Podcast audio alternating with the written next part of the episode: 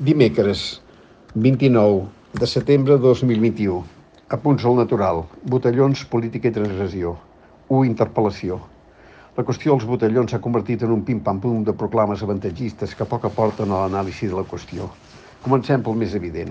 El poder creixent de les imatges multiplicades a l'infinit pels diferents suports de comunicació que porten a prendre una mínima part per tot Conseqüència, una dotzena d'actes de violència vistos mil vegades es converteixen en icones d'un esdeveniment, amb dos efectes evidents. Un petit grup de persones capta tot el protagonisme i queden en segon pla els que haurien de ser els verdaders motius de reflexió.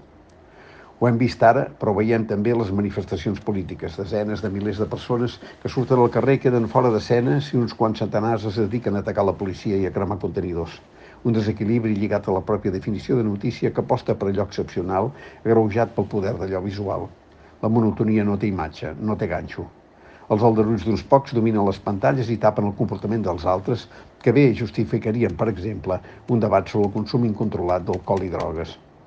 Tota la vida i a tot arreu el jovent ha sortit de festa, forma part de les pràctiques d'emancipació.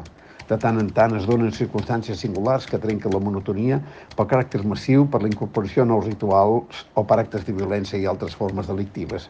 I massa sovint la reflexió de fons es perd pel poder de l'anècdota. Recordo ja fa molts anys el meu fill, quan estava a l'adolescència. Em va dir, com pare deixes fer tant que no tinc espai per la transgressió.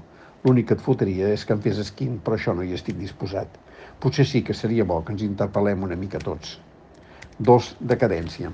Moviments passius d'aquest tipus amb desbordaments d'agressivitat n'hi ha arreu i n'hi ha hagut sempre. Per tant, el més hipòcrita és escandalitzar-se. Els botellons d'aquests dies ben segur que no són aliens a l'experiència vital de la pandèmia, com els aldarulls dels 80 no eren el canvi cultural i moral que s'estava produint al país per molt que es vulgui minimitzar, el confinament i les seves derivacions tenen i tindran conseqüències en molts àmbits, laboral, econòmic, sanitari i psíquic. I aquell que els ha agafat en els moments de trànsit de la joventut estan entre els sectors més afectats.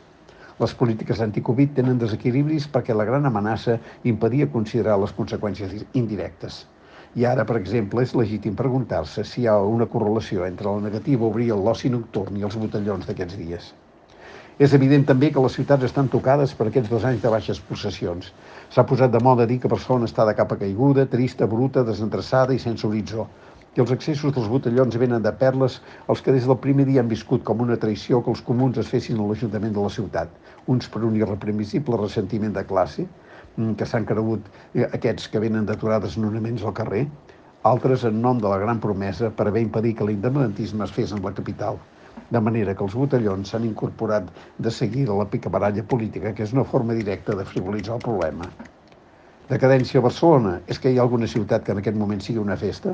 De París a Berlín, algú veu les grans capitals en un moment d'esplendor? I fins i tot hem arribat al ridícul d'un cert elitisme trufat de rebuig a l'independentisme que ha descobert que ara el model és Madrid, que la capital és Glòria. I tant que Barcelona necessita renovar el seu projecte, és a dir, dibuixar objectius i construir complicitats per recuperar el ritme necessari per reprendre la sensació de progrés. És l'hora, efectivament. Els moments de trànsit són els que marquen el futur i és exigible als qui la governen que marquin el pas.